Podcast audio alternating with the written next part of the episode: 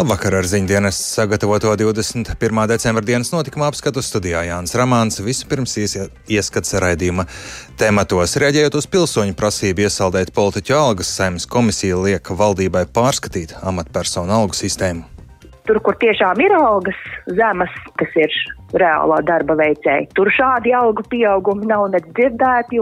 Tur, kur konkurence nav, tur mēs algas esam gatavi tik nenormāli pacelt.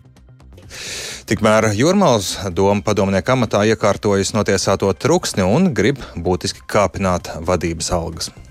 No ētiskās puses par pārkāpumiem, kas tika pierādīti, tika atstādināts. Ja, šajā gadījumā, ja vēl šī alga pieauga padomniekam, es nezinu, šie padomi kļūst vērtīgāki pēkšņi. Ukrainas prezidents Zelenskis šodien ierodas Vašingtonā. Tā ir viņa pirmā ārvalstu vizīte kopš Krievijas pilna apmēra iebrukuma Ukrainā. ASV šodien gatavojoties paziņot par 1,8 miljardu dolāru vērtu jaunu militārās palīdzības paketi Ukrainai. Par šiem un arī citiem tematiem tūlīt plašākā izklāstā.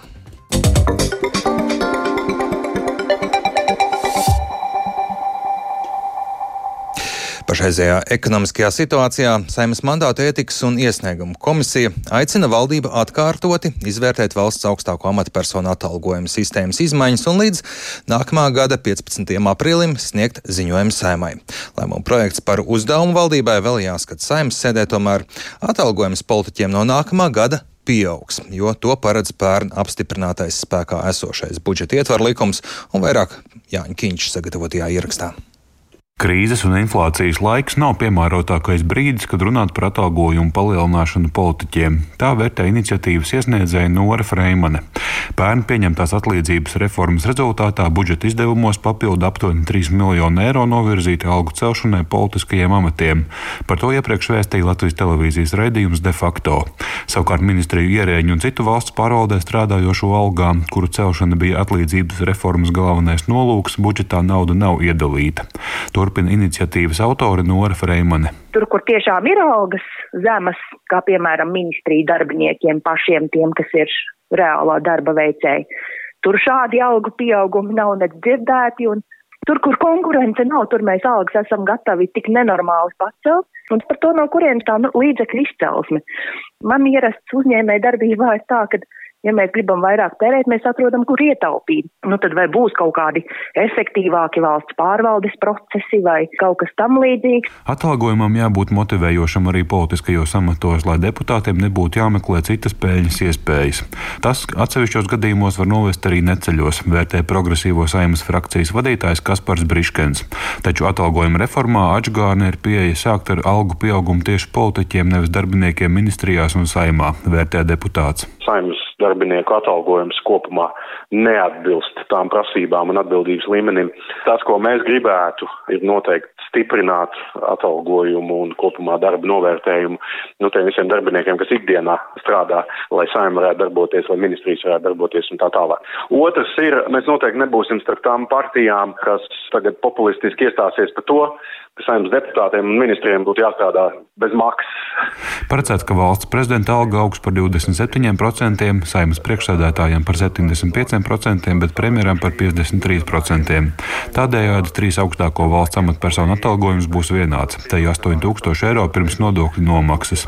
Tāpat par trešdaļu līdz te 4000 eiro kāpas saimas deputātu algas, ministru līdz 7000, bet parlamentāro sekretāru algas par 63% līdz vairāk nekā 6000 tūkstošiem pirms nodokļu nomaksas. Ne visas no šīm izmaiņām šķiet samērīgas, vērtē Briškens. Tas, ko noteikti varētu runāt, ir atsevišķas pozīcijas, kur tie pieaugumi, mūsuprāt, nav līdz galam pamatot. Mēs redzam, ka parlamentāriem sekretāriem ir ļoti liels eh, pieaugums, lai gan kopumā, nu, praksē vērojot parlamentāro sekretāru, teiksim, tādu darbības pievienoto vērtību, vai viņi tiešām būtu pielīdzināma ministra līmenim, ministra atbildībai, par to mēs šaubamies. Un plus, protams, jāpaskatās arī kopumā pa visu paleti. Nepieciešamību diskutēt par atalgojumu sistēmas izmaiņām atzīst arī koalīcijā ietilpstošo partiju pārstāvji. Atalgojuma izmaiņas ir jāspēj pamatot, norāda apvienotās saraksta saimas frakcijas vadītājs Edgars Tavars. Tas ir mantojums mums no pagājušās saimas. Es teiktu tā, ka tas plašāk arī jāizvērtē līdzīgi kā arī attiecīgā iniciatīvā, uz ko ir amatpersonas tiek aicinātas. Pašlaik es neņemos minēt, kāds būs saruna iznākums, bet katrā ziņā sarunai būtu jābūt un to tā vienkārši norakt. Šo iniciatīvu nevajadzētu nekādā gadījumā. Jāpiebilst, ka atalgojums politiķiem no nākamā gada pieaugs automātiski, jo to paredz pērn apstiprinātais budžeta ietvara likums. Tas paliek spēkā, jo saistībā ar iekavēto valdības veidošanu nākamā gada budžets un to pavadošais ietvara likums vēl nav izstrādāti. Tos paredzēts pieņemt līdz martam, lai tie stātos spēkā aprīlī. Jānis Kincis, Latvijas Radio. Arī Jurmālas domnieki grib sev maksimāli lielāko iespējamo algu. Jurmālas domē ir jauna vadība. Vakar par priekšsētāju deputātu ievēlēja Rītas Sproģi no Zaļo un Zemnieku savienības. Mēra krēsls kļuva brīvs pēc iepriekšējā priekšsētāja Gata Trukšņa no Zaļo un Zemnieku savienības deputāta mandāta nolikšanas saistībā ar dienesta pārkāpumiem. Taču Truksnis nekur tālu no domas vadības nav pazudis. Savukārt jaunā vadība jau lemj par maksimāli pieļaujamo algu palielinājumu no jaunā gada. Tas ietekmēs arī trukšņa maka biezumu, un par notikumiem Jurmāls domē plašāk Lindas Spundiņas veidotajā ierakstā. Gāti Trūksni no Zaļo un Zemnieku savienības tiesa atzina par vainīgu apsūdzībā par dienesta viltojumu saistībā ar komandējumu. Trūksni sodīja ar naudas sodu 5000 eiro apmērā. Tajā pašā dienā mērs nolika deputāta mandātu. Vakar trūkšņa vietā stājās viņu partijas biedre Rita Sproģi, kas iepriekš bija mēra vietniece. Savukārt tagad trūksnis iekārtots priekšsādātājas padomnieka amatā. Vēl jāpiemina, ka deputāti vakar lēma par izmaiņām pašvaldībām, atstājot agrāko divu domas priekšsādātāju vietnieku vietām tikai vienu. Šajā amatā ievēlēts Jānis Lediņš no ZZS. Domnieki šodien komitejā virzīja lēmumu projektu, kurā plāno palielināt maksimāli iespējamajās robežās deputātu algu, tostarp vadības. Lēmumu projektu komitejā apstiprināja. Vēlēto amatpersonu pamatalgu aprēķina no vidējās algas valstīm, to reizinot ar koeficientu. Šogad Jūrmālas domas mēram bāzes alga ir nedaudz virs 1000 eiro, un to reizina ar 3,64. No jaunā gada bāzes alga pieaugs par nepilniem 100 eiro. Savukārt jūrmālas domnieki vēlas maksimāli pieļaujamo reizinātāju 5,2. Tas nozīmē, ja jūrmālas pašvaldības vadītāja mēneša alga līdz šim bija nedaudz virs 4000 eiro, tad no janvāra varētu būt nepilni 6000 eiro. Līdz ar vadības algas pieaugumu arī tās padomniekiem naudas maks kļūs biezāks. Padomnieka algu aprēķina procentuāli no priekšsēdētāja algas. Šīs pārmaiņas attiektos arī uz tiesāto Gati Truksni. Tam iebilst opozīcijas deputāts Uldis Kronblūms no partijas Tev Jūrmalai. Norādot, ka vadībai ir jāizvērtē, vai maksimāli pieļaujamās algas ir adekvātas. Savukārt par trūksni kā padomnieku Kronblūms saka. Mēs jau esam runājuši, ka no ētiskās puses par pārkāpumiem, kas tika pierādīti, tika atstādināts. Un šādu cilvēku, manuprāt, nevajadzēja ņemt par padomnieku. Un otrkārt, es uzskatu, ka pašvaldībā ir tik daudz speciālistu, ka šādi padomnieki vispār nav vajadzīgi. Un šos līdzekļus var izlietot pilnīgi citiem labākiem mērķiem. Šajā gadījumā, ja vēl šī alga pieauga padomniekam, es nezinu, tie padomi kļūst vērtīgāki pēkšņi. Pašvaldības vadība Latvijas radio piekritis sniegt vienu rakstisku komentāru, tajā norādot, izmaiņas tiek plānotas no nākamā gada, ņemot vērā budžeta iespējas un deputātu lēmumu domes sēdē. Lēmums vēl nav pieņemts. Deputāti par šo jautājumu lems domes sēdē rīt. Likumā nav noteikts, pēc kādiem kritērijiem pašvaldībai jāizvēlas koeficienta apmērs, taču, ņemot vērā, ka Jūrmala ir viena no lielākajām pilsētām, tajā ir aptuveni 58 tūkstoši iedzīvotāju, ikgadējais budžets pārsniedz 90 miljonus eiro, attiecīgi darba un pilsētas saimniecības apmērs ir apjomīgs. Tāpēc izvēlēts koeficients 5,2. Plānots, ka rīt būs ārkārtas domas sēde, kurā deputāti par šo lēmumu balsos. Linda Spundeņa, Latvijas radio.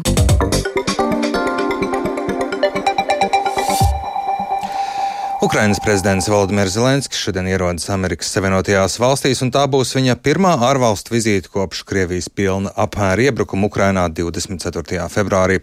Sagaidāms, ka Zelenska ciemošanās laikā ASV valdība paziņos par jaunu apjomīgu militāro palīdzību Ukrainai. Plašāk stāsta Ulris Česbers.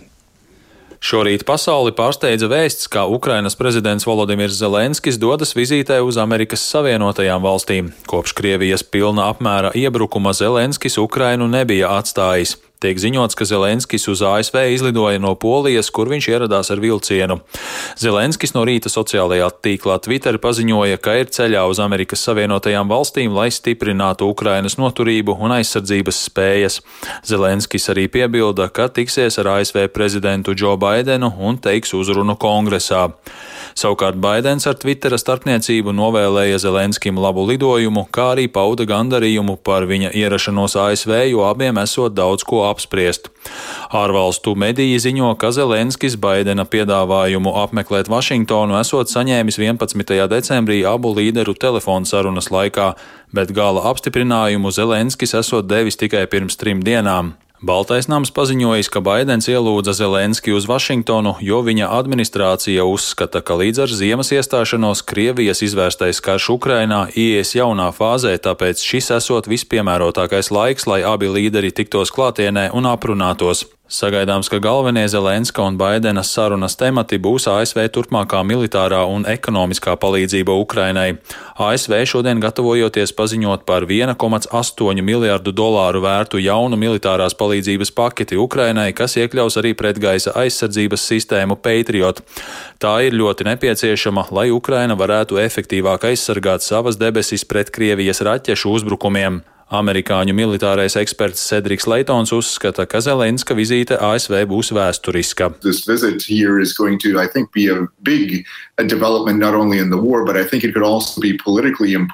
Manuprāt, šai vizītei būs nevien liela ietekme uz kara turpmāko gaitu, bet tā arī būs politiski nozīmīga Ukrainas nākotnē.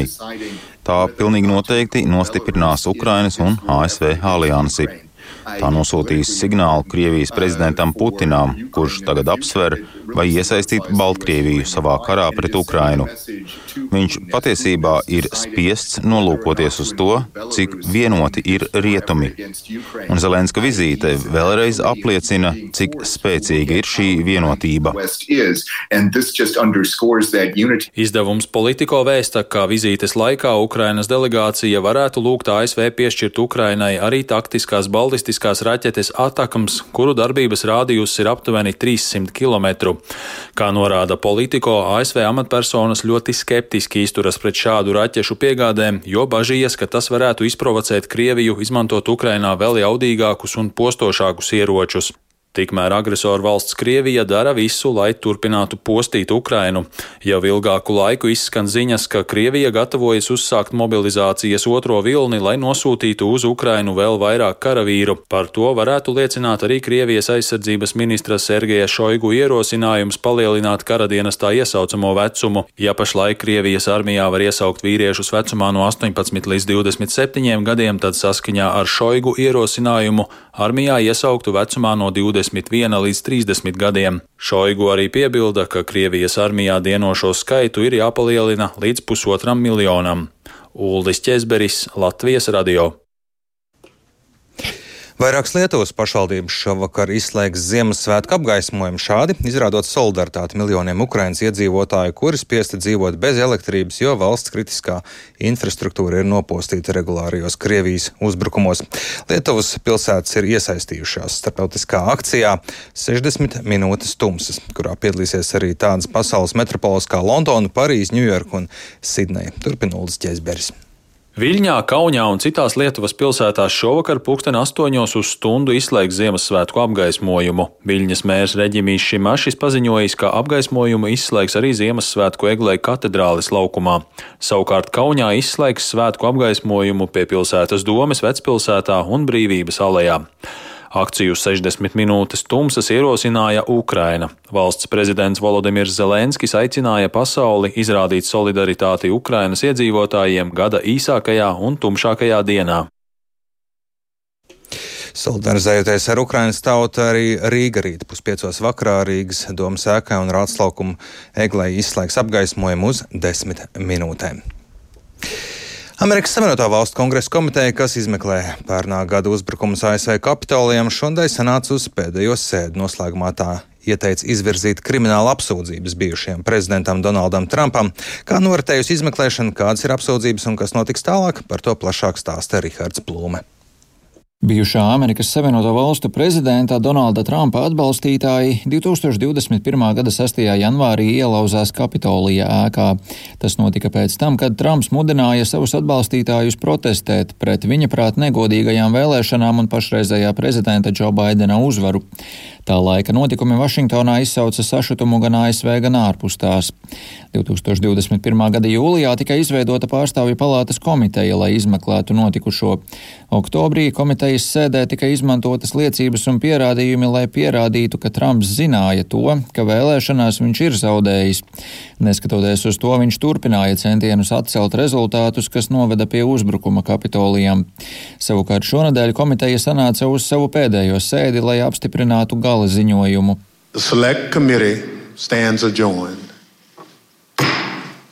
Noslēgumā pārstāvju palātas komiteja vienbalsīgi aicināja Tieslietu ministriju izvirzīt Trumpam krimināla apsūdzības.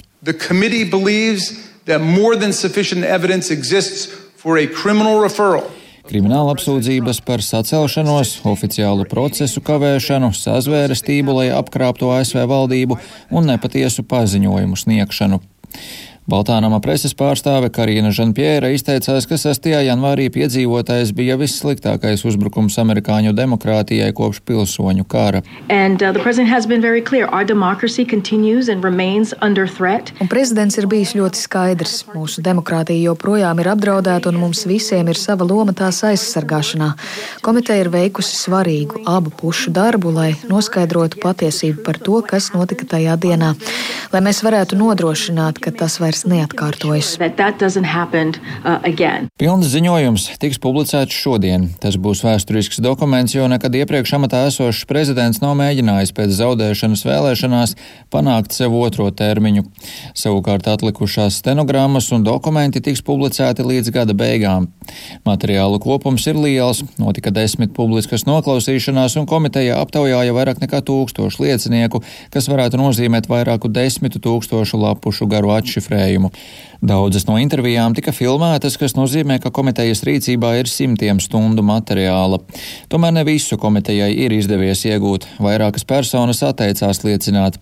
Tāpat izmeklēšanas laikā tā izsūtīja pieprasījumus vairākām telekomunikāciju kompānijām, lai iegūtu telefonu zvanu ierakstus.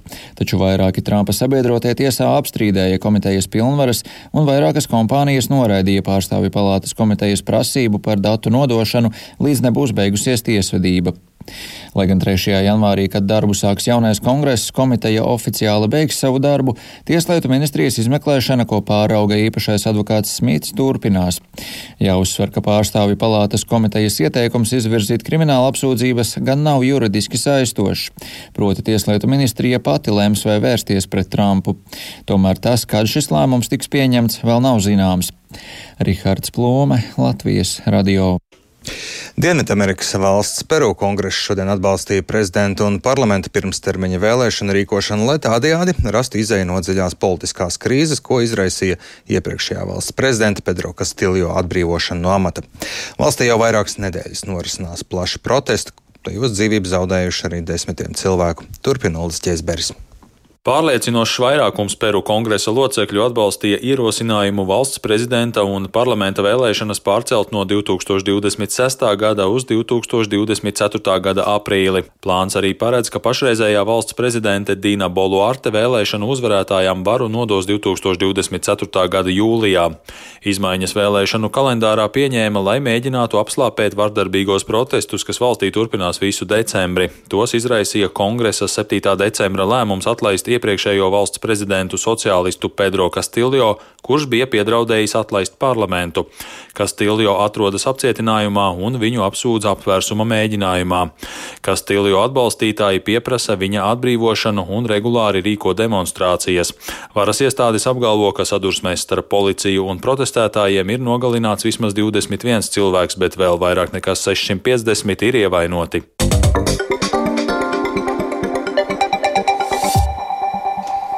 Burtnieka ezerā šogad tika samazināts rūpnieciskās nozvejas daudzums zandartiem un līdekām, lai audzētu zivis. Lai arī šīs zivis ezerā nārsto labi, tās nespēja izaugt līdz trofejas cienīgam izmēram. Valmieras novadā uzskata, ka burtnieku zandarts ir nozīmīga ezera vērtība un ir uzsākts arī darbs, lai attīstītu burtnieka zandarta zīmolu un sagatavot arī pieteikumu, lai to iekļautu Eiropas Savienības aizsargāto geogrāfiskās izcelsmes norāžu reģistrā. Par šo tēmu plašāk vidzemes korespondents Gunts. Matisons veidotajā ierakstā. Es viņu mazliet iemarināju vēl. Viņš vai foršs tāds vēl svaigāks. Ar ko tad tik īpaši ir tieši burtnieks Zandarts? To, protams, vislabāk var novērtēt kulinārijas speciālisti, tāpēc vienā no Valmijas restorāniem tiekos ar šefpāru Arturu Taškānu, jo viņa restorāna ēdienkartē nemainīgi ir arī burtnieks Zandarts. Nu, tā vide, kur viņš eh, tiek audzēts, tā laikam ir tā atšķirīgā, kas rada to citu garšu. Viegli tāda forša, svaiga zivs garša. Kas ir raksturīgs šim zandartam, ir, eh, ir tas, ka viņš ir viegli saldens. Nu, cik ir ēsti zandarti no citiem ezeriem, arī no Igauniem, Manuprāt, šis ir gardākais zandarts, kas ir pieejams Latvijas tirgu. Bet kā tad ir ar zandarta daudzumu Burtnieka ezerā? Makšķernieki jau iepriekš bijuši neapmierināti ar to, ka ezera zivju resursiem kaitējumu nodara rūpnieciskā zveja. Tādēļ arī šogad tās apjomi ir samazināti. Un situāciju vērtē Valmieras novada pašvaldības vecākā vidas speciāliste Evi Jozola. Nu, ja pastamies no tāda atražošanās viedokļa, tad zinātnē paliek vēl aizvien pie savu viedokļa, ka atražojas zandarts ezerā ļoti labi. Cits stāsts ir par to, ka zandarts nav pieejams burtniekā daudz vairs tādā izmērā, kā makšķerniekiem patiktu, nu, kas būtu trofejas zivis, bet zandarts ir pietiekami lielā apjomā. Esam ieviešuši arī pasākums, lai tomēr arī šo resursu audzētu. Tiem pašiem zvejniekiem ir limiti jau visu šo gadu bijuši divi ar pus reizes samazināti arī zandartam tieši. Nu, zvejnieki ir pieņēmuši to situāciju. Vai sapratuši, nu, savā ziņā, protams, jā, bet uh, skaidrs, ka viņi laimīgi nav. Tas viņiem ir krietnes nozvejas apjoms samazinājums, tas nozīmē arī krietnu ienākumu samazinājumu. Bet, uh, nu, tāpēc mēs nākam arī zvejniekiem savā ziņā pretī, izveidojot šo burtnieku zandarta zīmolu. Zandarts ir viens no burtnieka ezera neformālajiem simboliem jau gadu gadiem, un arī viena no galvenajām vērtībām. Tāpēc, kā uzskata Vidzemes augstskolas pētnieks Andris Klepers, ir jāmaina sabiedrības attieksme un izpratne par šo vērtību vērtību. Tas ierobežojums pie desmit tonnām, kas ir atļauts burtnieku zandarta zvejai, pēc tīri tādas statistikas. Tā ir trešā daļa no Latvijā nozvejotā zandarta. Tad tā ir nu, visnozīmīgākā daļa, ja salīdzinām ar Latvijas ezeriem kopumā. Un, protams, ka nu, pie tādiem apjomiem mums ir jārunā par viņu kā par nu, ļoti nozīmīgu vērtību. Attīstot burtnieku zandarta zīmolu, kā vērtē Andris Klepers, tas palīdzētu arī zvejniekiem realizēt savu produkciju par augstāku cenu.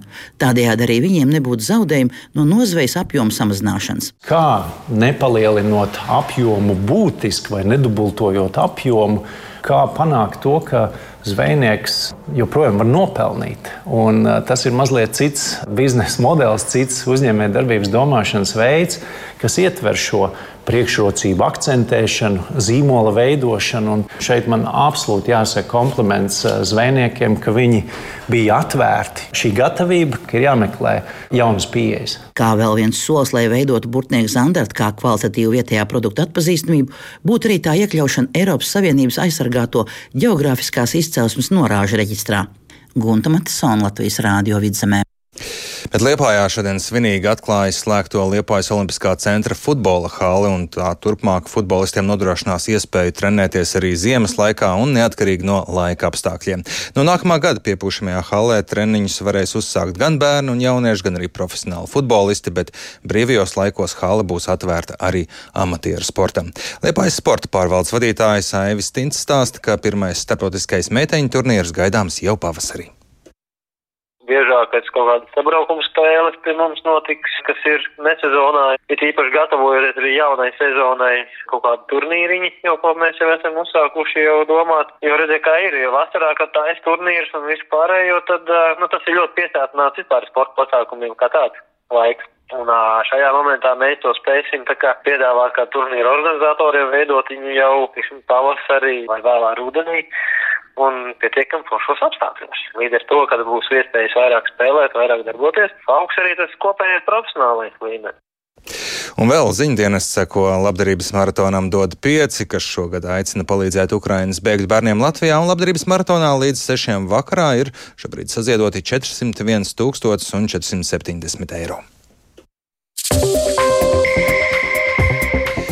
Ar to izskan ziņdienas veidotais dienas notikuma apskats. Tā producents Edgars Kupčs ieraksts Montēra Renāša Tēmanis par labskaņu rūpējās Kārlis Rašmanis studijā Jānis Ramāncīs atgādināšu svarīgāko reaģējot uz pilsoņu prasību iesaldēt politiķu algas. Saimnes komisija liek valdībai pārskatīt amatpersonu algu sistēmu. Jūrmālas domas, Jūrmālas doma padomnieka amatā iekārtojas notiesāto truksni un grib arī būtiski kāpināt vadības algas domē. Ukrainas prezidents Zelenskis ierodas Vašingtonā un tā ir viņa pirmā ārvalstu vizīte vizīti kopš Krievijas pilna apmēra iebrukuma Ukrainā. Yeah.